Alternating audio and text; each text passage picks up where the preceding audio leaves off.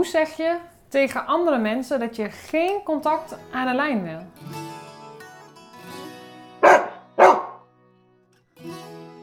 Het kan goed zijn dat jij in de opvoeding van je hond het contact aan de lijn met andere honden liever niet aangaan. Het kan ook zijn dat jouw hond daar helemaal niet zo op zit te wachten. Dat laat hij zien met bijvoorbeeld behulp van zijn lichaamstaal en stresssignalen. Het lukt jou goed om die signalen te lezen en te interpreteren wat hij van die situatie vindt. Het kan ook zo zijn dat jouw hond gewoon echt niet in de buurt van andere honden kan zijn, omdat dit resulteert in uitvallen aan de riem, bijvoorbeeld zoals blaffen, grommen, op twee poten staan, eh, trekken aan de lijn, agressief gedrag laten zien of snappen slash happen, hoe je het ook maar wilt noemen. In alle gevallen kan de vraag overeind blijven staan: hoe maak ik dit nou duidelijk aan andere hondeneigenaren? Hoe zeg jij tegen andere mensen dat je je hond niet aan de lijn bijvoorbeeld laat kennismaken of interactie wilt hebben? Nou, jij wilt om welke reden dan ook het interactie, het contact aan de lijn niet. Maar hoe geef je dat dan aan? Het kan best lastig zijn om daar je weg in te vinden. Deels omdat veel mensen zich hier helemaal niet zo bewust van zijn en om die reden niet zo de nadelen van het contact aan de lijn inzien.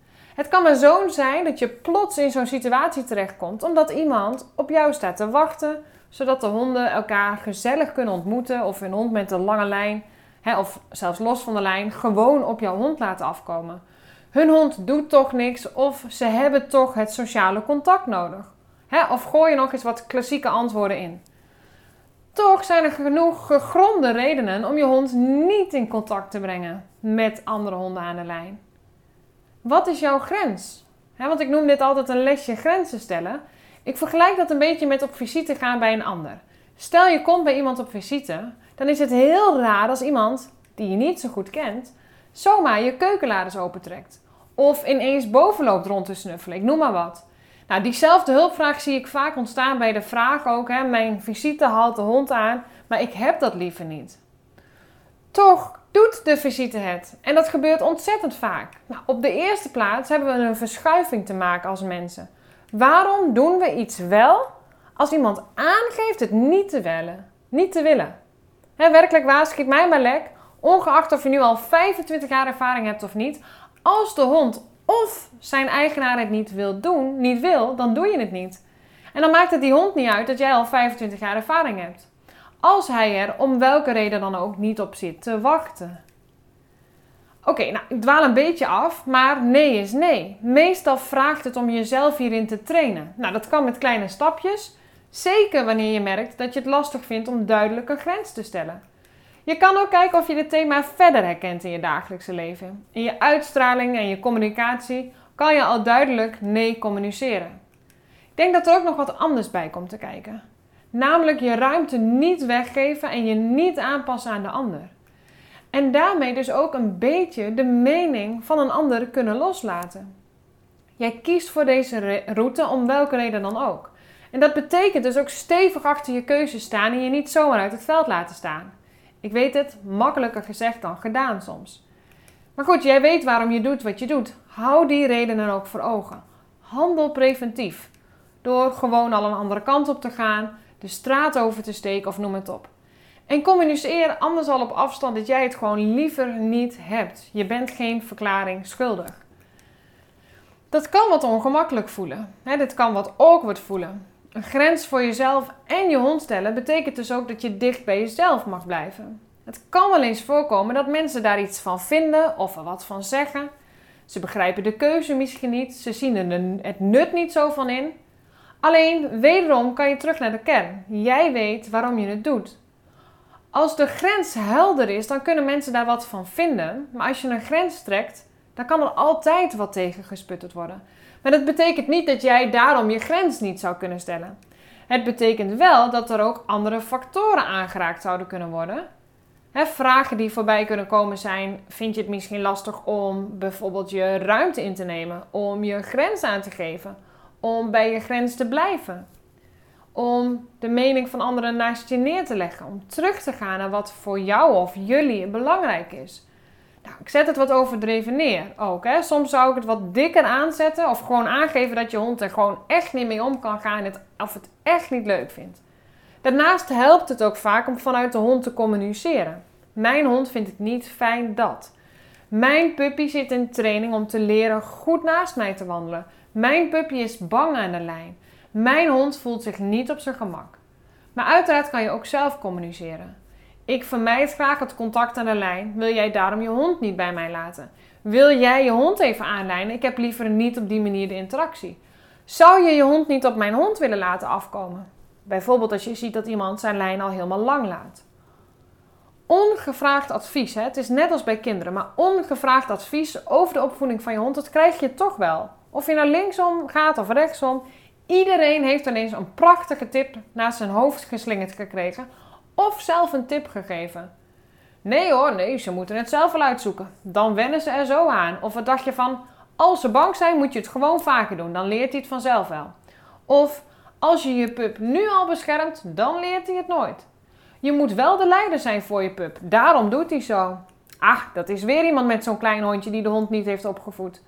Ah, als die uit de puberteit is, dan zal het wel voorbij zijn.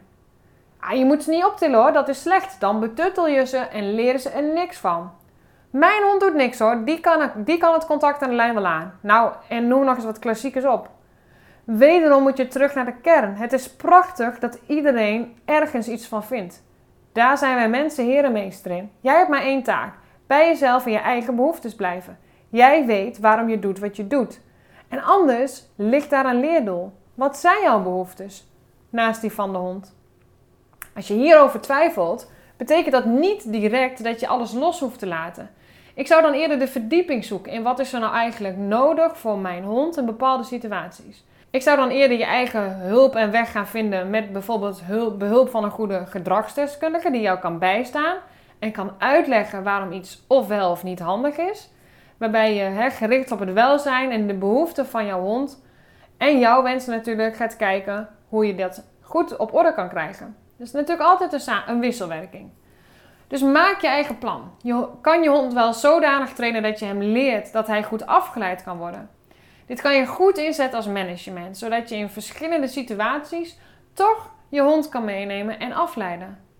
Dus stel je kiest ervoor om gewoon met een koekje of een speeltje voorbij de situatie te gaan, hè? zodat je op die manier de situatie een beetje voor bent.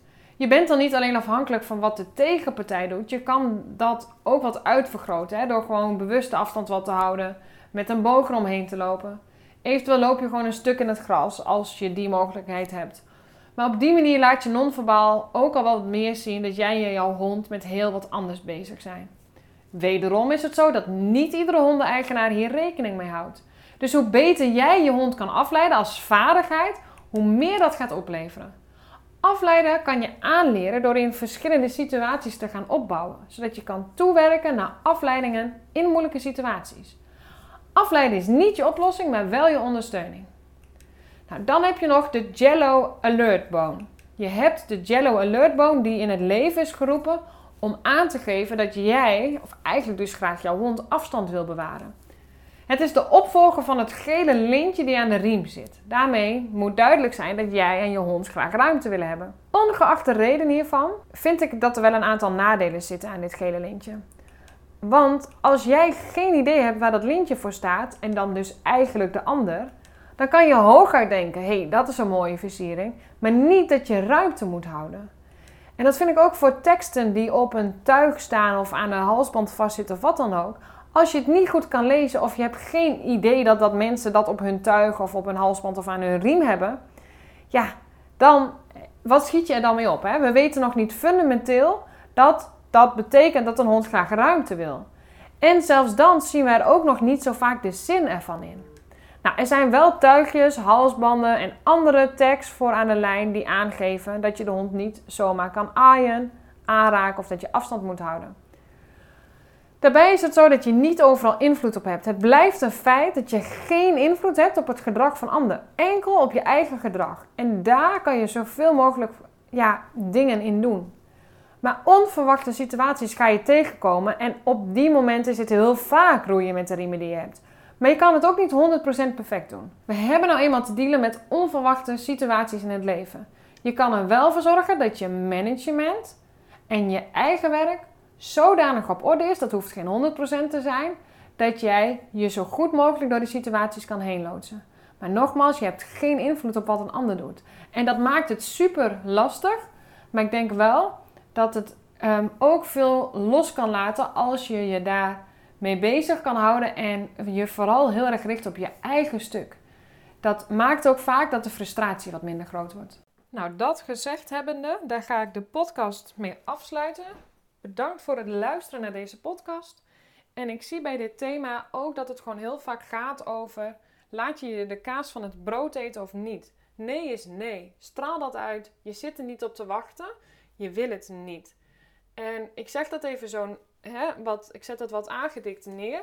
Maar als dat je attitude is, dan, ja, dan kun je daar van alles van denken. En dan kunnen andere mensen daar van alles uh, over denken. Alleen je doet het uit bescherming voor je hond. En het is gewoon nodig. Want mensen zijn gewoon, mijn zin soms best wel brutaal. Ze zijn al je hond aan het aanraken nog voordat uh, jij het door hebt. Dus loop daarmee rond. Ja, mijn hond is schattig. Bijvoorbeeld als je een puppy hebt. Prima, maar dat is geen vrijbrief om te doen wat je doet. Ehm, jij kent jouw hond. Jij weet wat de gevolgen zouden kunnen zijn van iedereen die jouw hond maar gewoon aanraakt. Jij uh, ja, weet wat de eventuele gevolgen zouden kunnen zijn. Dus ehm, ja, sta daarvoor. Dit is wat ik wil. Punt. Is dat altijd gemakkelijker gezegd dan gedaan? Ja, dat denk ik wel. Uh, want mensen blijven het wel een beetje doen. Maar kijk wel, hey, wat kan ik in mijn uitstraling daarin aanpassen? En nou, bedankt voor het luisteren naar deze podcast en tot de volgende keer.